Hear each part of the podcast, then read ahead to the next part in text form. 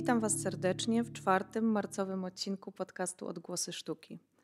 Od ponad 100 lat, 8 marca, obchodzimy Dzień Kobiet.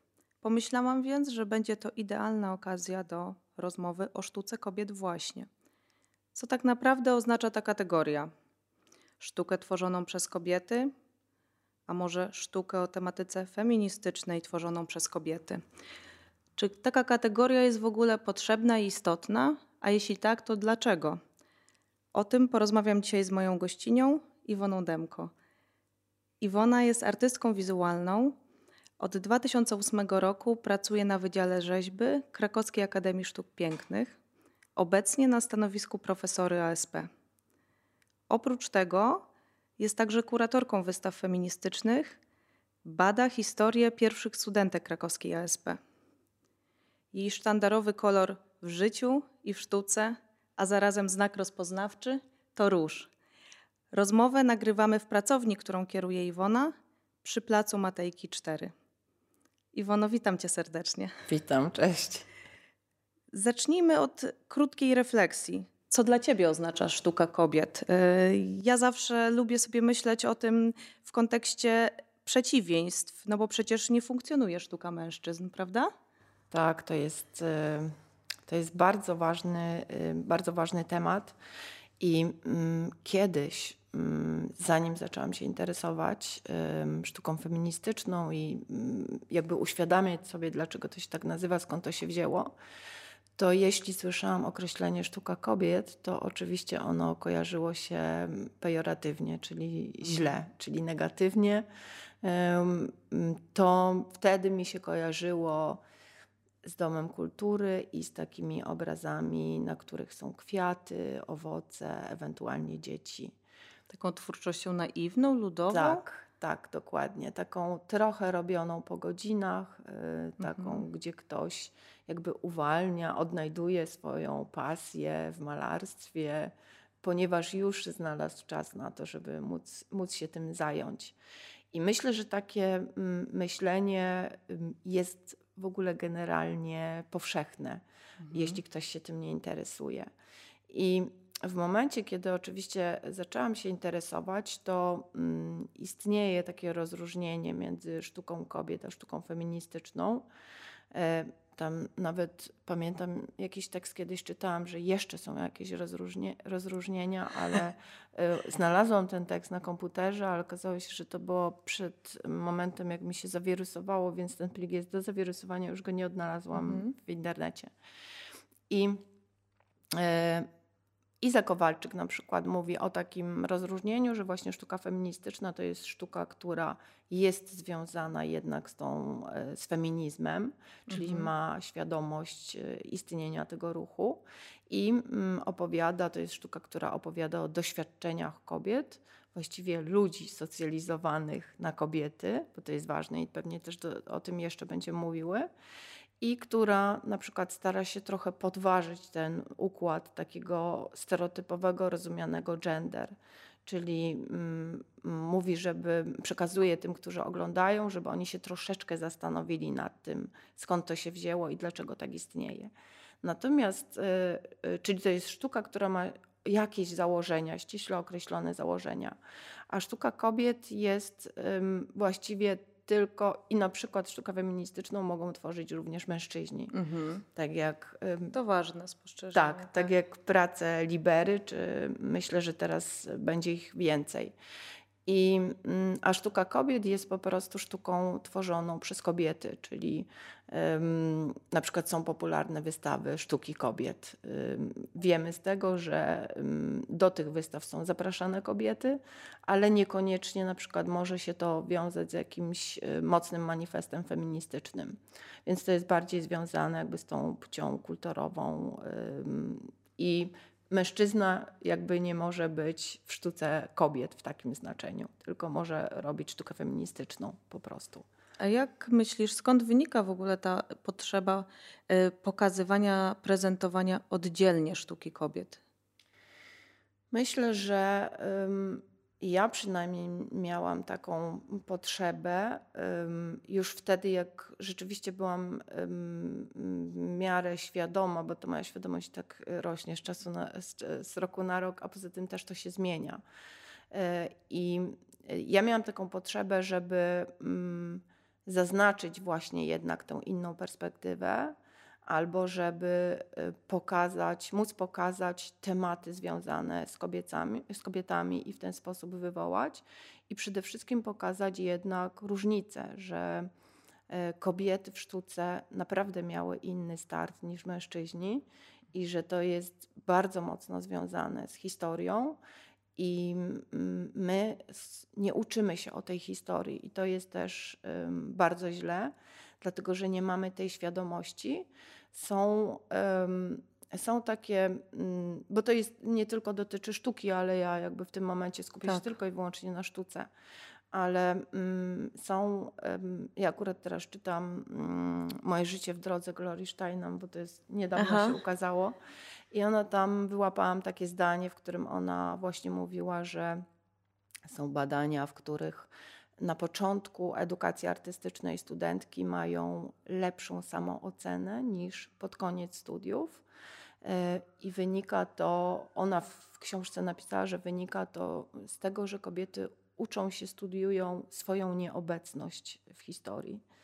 I właściwie to podobny bardzo wniosek był e, w tym raporcie Marne szanse na awanse, mhm. gdzie też one tam um, stwierdziły, że właśnie pod koniec studiów kobiety mają niższą samoocenę. Przy czym oczywiście to było w y, tym raporcie kontekst szerszy, y, gdzie nawiązywało się również do ilości kadry i do tego genderu kadry. Wiem, że do tego tak, tematu dojdziemy, ale jeszcze właśnie chciałam a propos tej historii i mm, to jest właśnie niezwykle ważne znać, jak wyglądało, jaka były, jakie były możliwości dla kobiet, artystek kiedyś i właściwie zapoznania się z tym, że ich nie było. Nie było tych możliwości, że kobiety po prostu nie mogły tworzyć, dlatego że nie miały dostępu do szkół, I generalnie y, myślało się o tym, że kobiety nie mają talentu po prostu, nie, ma, nie, nie, nie mają takich predyspozycji naturalnych. Mówiło się, że nawet biologicznych. Czyli wielu kobietom nawet to nie przychodziło do głowy, ponieważ nie zdawały sobie sprawy, że mogą. Wiedziały, że po co startować w czymś, co nie mają predyspozycji, więc jak je mają, y, mhm. nie mogą ich wykorzystać. I to jest bardzo ważne, żeby wiedzieć, ponieważ to jest coś, co narzuciło, co mówiła y, kultura o kobietach. I właściwie to też można odnieść do czasów współczesnych, czyli co kultura nam narzuca teraz i w jaki sposób my jesteśmy uwikłane teraz właśnie w płeć. To znaczy, pytanie moje jest takie, czy do tego momentu e, zrównania e, poczucia własnej wartości u artystów i artystek już doszło? Czy te prawa w tym świecie sztuki mają równe, Twoim zdaniem? Moim zdaniem jeszcze nie, mm, ponieważ to jest ściśle uzależnione od socjalizacji, czyli dopóki przychodzi mhm. człowiek i ma Y, widocznie y, rozwinięte narządy płciowe, także jednoznacznie na oko tak. można stwierdzić, bo nie robi się badań y, głębszych, co powinno na przykład też być robione, żeby mhm. stwierdzić. Dopóki będzie, i, i, jeśli się stwierdza, że na przykład ta, ta osoba ma wyraźnie ukształtowaną wulwę, a ta osoba ma wyraźnie ukształtowanego falusa, to następuje od razu wrzucenie do programu kobieta-mężczyzna, czyli zaczynamy socjalizować y, tę mhm. osobę, mówiąc jej, jakie są jej naturalne predyspozycje. Czyli my w ogóle nie idziemy od człowieka, mhm. E, tylko idziemy od definicji, którą narzucamy człowiekowi. I wydaje mi się, że dopóki będzie istniało to rozróżnienie, czyli cały czas będziemy przypisywać, że jak jest dziewczynka, to uczymy, że ma być wrażliwa, y, uczuciowa, empatyczna i tak dalej to będzie ta różnica. No ale jak przenosimy się y, już na teren akademii, no mamy do czynienia z artystami, z artystkami, z ludźmi, którzy dużo mówią o wolności, myślą i jakby ta wartość jest dla nich istotna, więc zastanawiam się, na ile jednak od tej y, powiedzmy sobie socjalizacji, nawet już w dzieciństwie, no w pewnym momencie odchodzisz, decydując się y, na chociażby studia na akademii. Tak naprawdę nie można od tego odejść w takim mhm. znaczeniu, że ym, jeśli po prostu rodzisz się, ja się urodziłam w Sanoku, jeśli rodzisz się w miejscowości podbieszczackiej i tak naprawdę trudno, na pewno jest różnica między tym, kiedy ja się urodziłam, a między tymi czasami, kiedy teraz rodzą się y, tam dzieci. Ale jednak um, rodzi się człowiek w pewnym otoczeniu i wyrasta w pewnym otoczeniu. Czyli my, czyli my dostajemy informacje i nie mamy um, takiej świadomości, żeby, je, żeby do nich podejść krytycznie.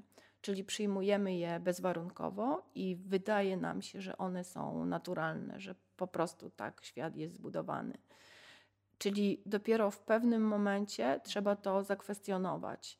I to się może udać, jeśli na przykład spotka się na swojej drodze albo trafi się, nie wiem, na książkę, film, osobę, która mm, zacznie podważać te, mm, te komunikaty, które dostaliśmy. I tak naprawdę to się teraz dzieje dużo wcześniej, mhm. bo mm, to już robią nastolatki. Nastolatki mają dostęp do takich informacji. E, przez to mm, ja miałam dostęp tylko do książek, nie było internetu, a teraz mhm. Mm, jakby ten internet, internet umożliwia. I też jest generalnie taka po prostu społeczna tendencja do jednak zmiany myślenia. I też um, według mnie na przykład bardzo dużo zrobiły po prostu czarne protesty. Czyli um, ja widziałam to na akademii, że um, akademia żyje trochę jak puszka. Czyli mhm. wszyscy są zamknięci, świat zewnętrzny do nich nie dociera, mamy swój własny kosmos. Każdy robi swoje. Tak, dokładnie. Mhm. Nie swoje słońce i obracamy się do, wokół tego słońca akademickiego. I czasami to jest bardzo duże zderzenie, jak się potem okazuje, że właśnie ludzie wychodzą i na zewnątrz jest wszechświat, który się kręci, może nawet czasem trochę inaczej. Mhm. I czarne protesty właściwie były jedynym takim momentem, kiedy świat zewnętrzny wszedł y, na akademię, dotarł na akademię i dotarł do studentek i do studentów. I oni dopiero wtedy się zaangażowali właśnie społecznie i wtedy też zaczęły docierać do nich komunikaty, które jednak są feministyczne. A jak myślisz, z czego wynika dysproporcja między ilością studentek na SP a wykładowczyń czy profesor? To jest y, na pewno związane w dużym stopniu y, z tym, o czym mówiliśmy wcześniej, czyli właśnie mm, takimi mechanizmami y, myślenia, ponieważ i ja pamiętam, że kiedy kończyłam studia w 2001 roku, to mm, nikt mi o tym nie mówił, to nie było nigdzie zapisane, ale ja uważałam, że mm, nie nadaje się na asystentkę, czyli że kobieta po prostu. Mm, naprawdę? Naprawdę. Ja sobie to uzmysłowiłam dużo później, jakby w ogóle nie miałam świadomości wtedy, kiedy kończyłam studia, mhm. że ja tak myślę, nie? że po prostu sama siebie dyskwalifikuje, żeby mm, być asystentką. Była mm, jedna moja koleżanka, z którą zresztą pracuję do dzisiaj, została przyjęta chyba rok wcześniej czy dwa lata wcześniej przed y, moim dyplomem. I ja uważałam, że to jest wyjątek, który potwierdza regułę, że kobiety się nie nadają. Mm, I to jest właśnie to, o czym y, Ci mówiłam wcześniej, czyli sposób myślenia którym my jesteśmy. Wyrastamy. Wyrastamy. Mhm.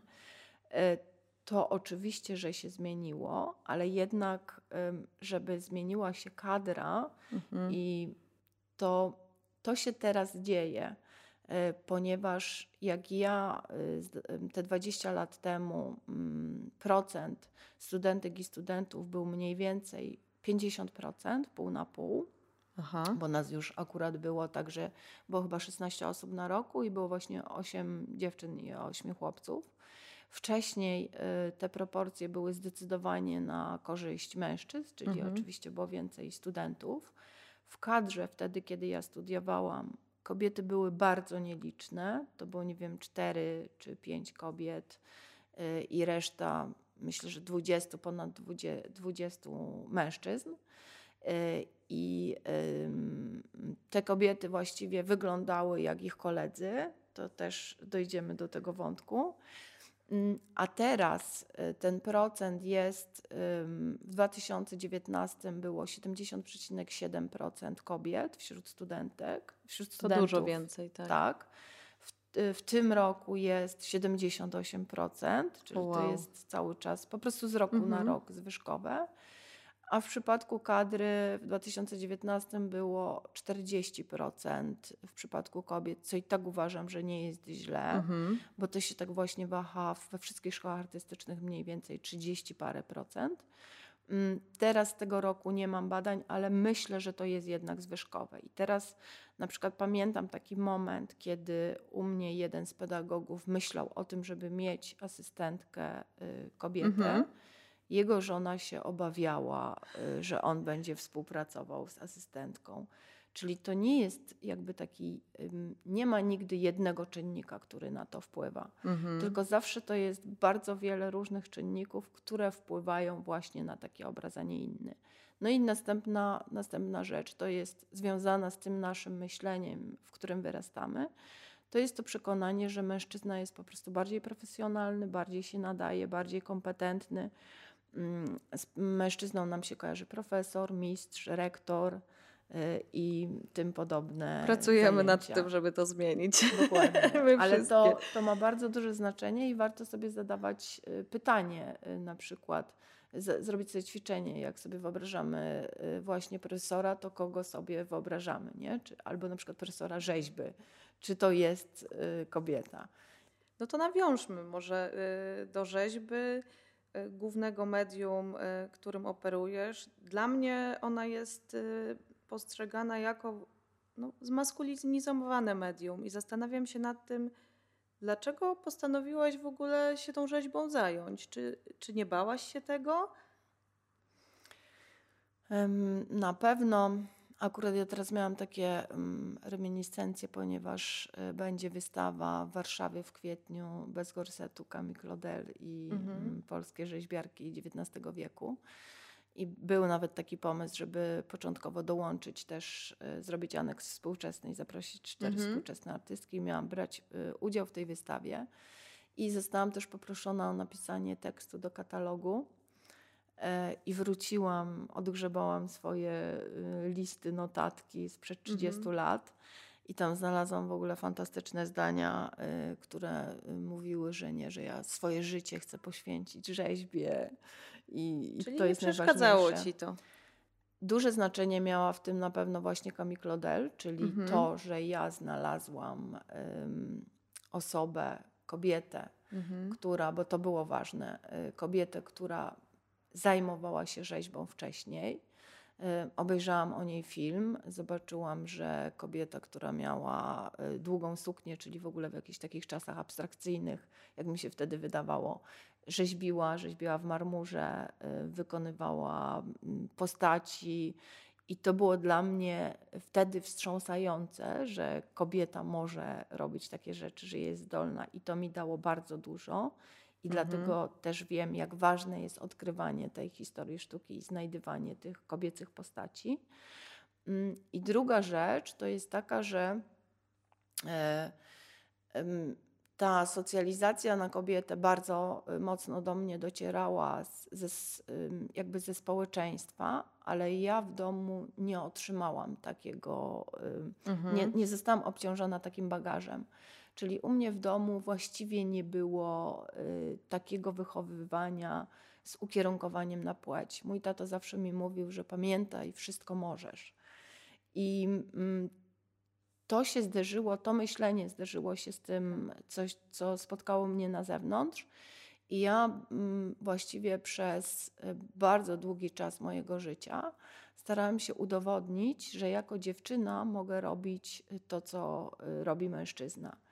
I w przypadku wybrania rzeźby trochę splotła się ta fascynacja mm, Camille Claudel y, z tym, że ja w ten sposób udowodnię sobie i innym, że jako kobieta mogę studiować rzeźbę, ponieważ jeszcze wtedy, jak ja zdawałam na rzeźbę, to było to uznawane jako kierunek męski, jako kierunek nadający się y, dla mężczyzn. Zresztą później, jak, jak przystąpiłam do egzaminu na asystentkę, to na przykład zastanawiano się, czy jestem w stanie udźwignąć y, worek gipsu.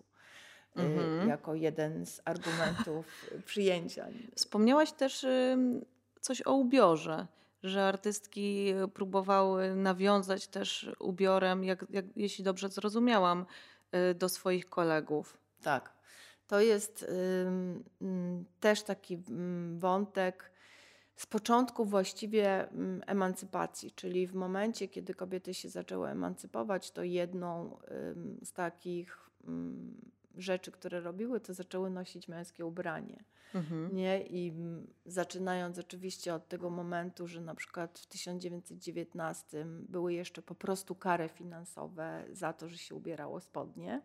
Nie można było, na przykład pamiętam, że we Francji była malarka, która chcąc malować w plenerze, nie było to wygodne w sukni, więc chciała malować w spodniach i musiała dostawać na to zgodę z prefektury y, francuskiej za każdym razem, kiedy chciała iść malować w mhm. plener w spodniach.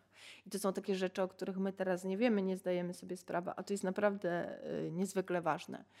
I ten wątek takiego przyjmowania, jeśli wchodzisz w miejsca, gdzie dominują mężczyźni, mhm.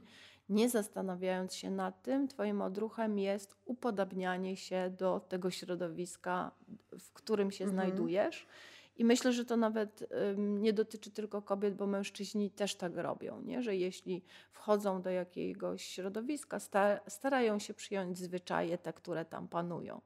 W przypadku kobiet, no to jest, mhm. było również przejmowanie męskiego ubrania. I ono też jakby świadczyło o profesjonalizmie. Mhm. Czyli ja, kiedy przyszłam na akademię, to właściwie te wszystkie kobiety, które pracowały, wiedziały, przy czym to nie jest taka wiedza, że jeśli zapytasz, to one ci świadomie odpowiedzą, tak. że tak robią, tylko to jest właśnie totalnie nieświadome działanie.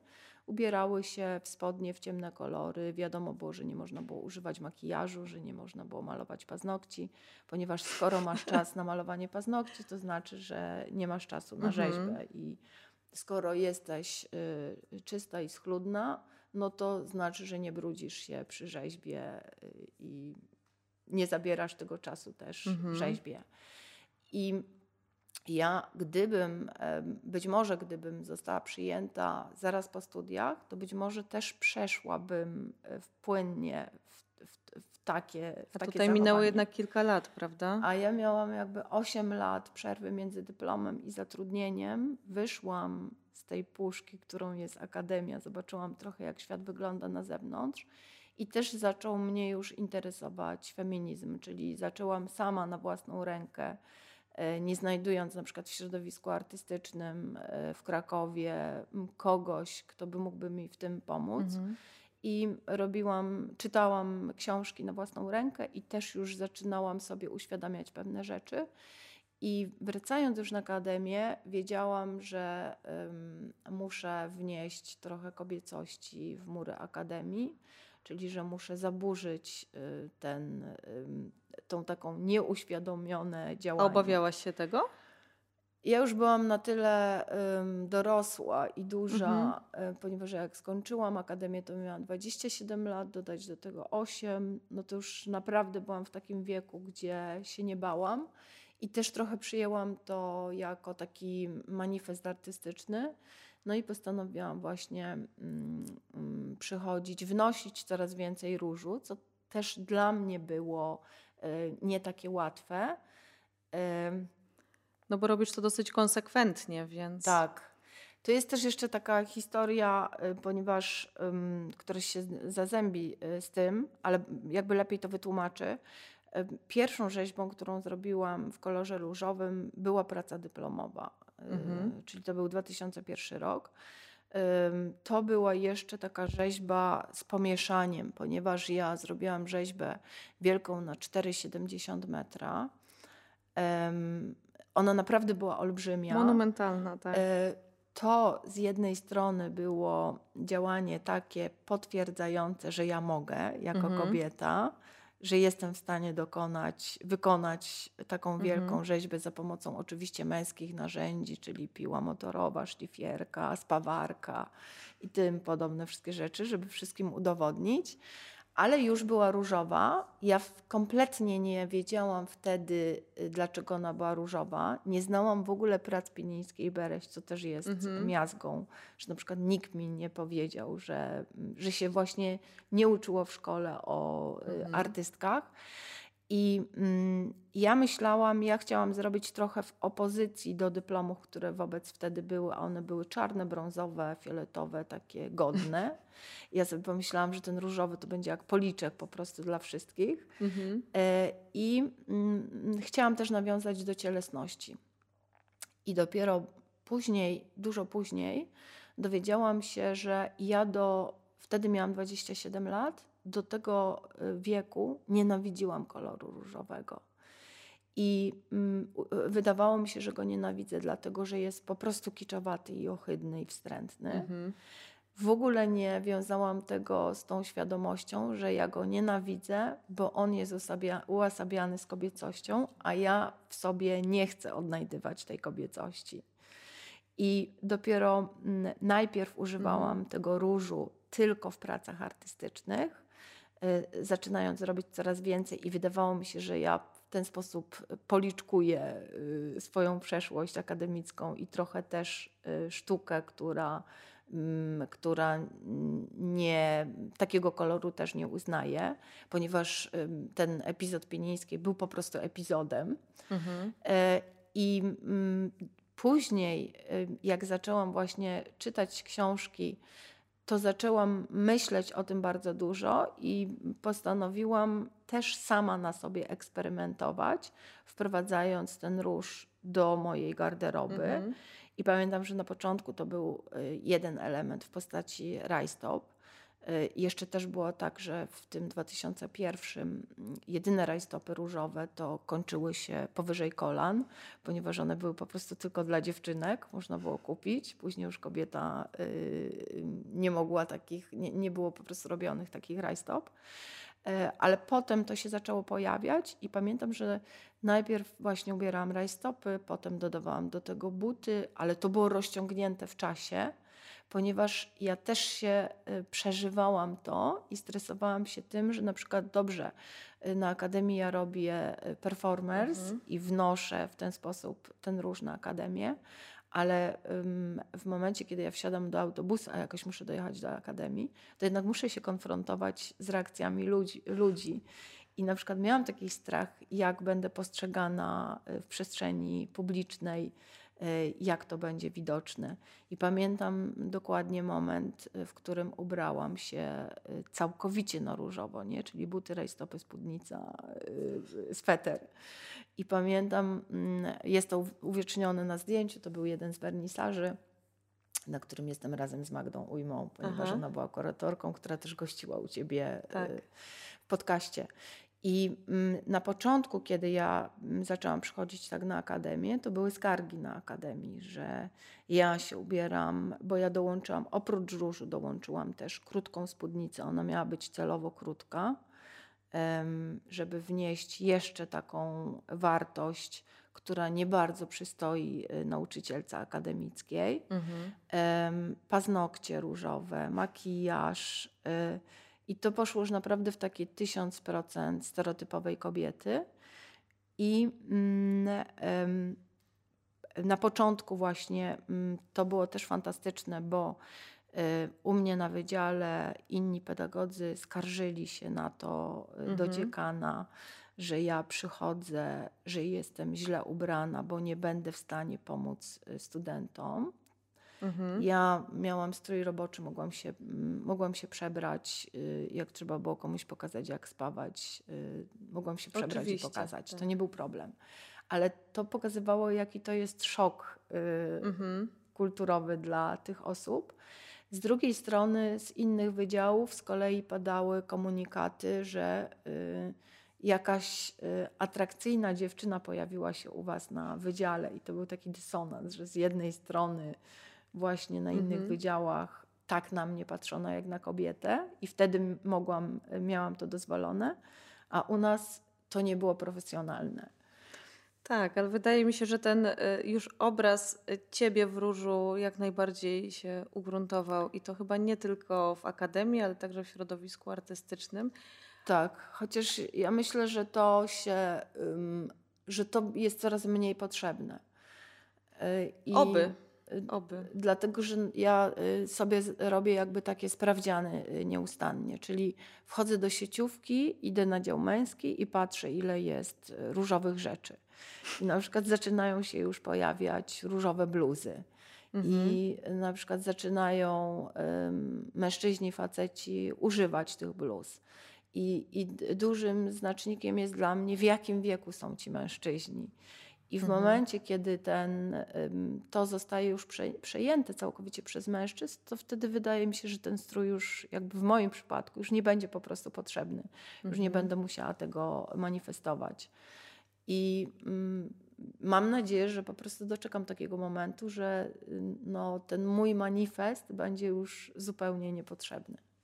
I on jeszcze ma właśnie Tak. swoją nazwę, którą ja odnalazłam y, nie tak dawno temu. Y, Pojawia się książka, gdzie są architektki.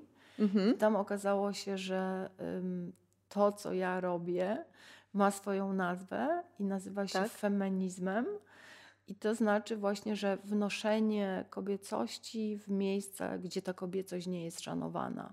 Oczywiście Mhm. można ją jakby rozumieć również poprzez strój, można ją rozumieć w inny sposób, bo myślę, że nie wiem, w środowisku akademickim, takim akademickim, teoretycznym, może to być na przykład wnoszenie y, własnego doświadczenia do badań, czy wnoszenie języka nieakademickiego, nie takiego hermetycznego do pisania swoich artykułów. I to też będzie feminizmem.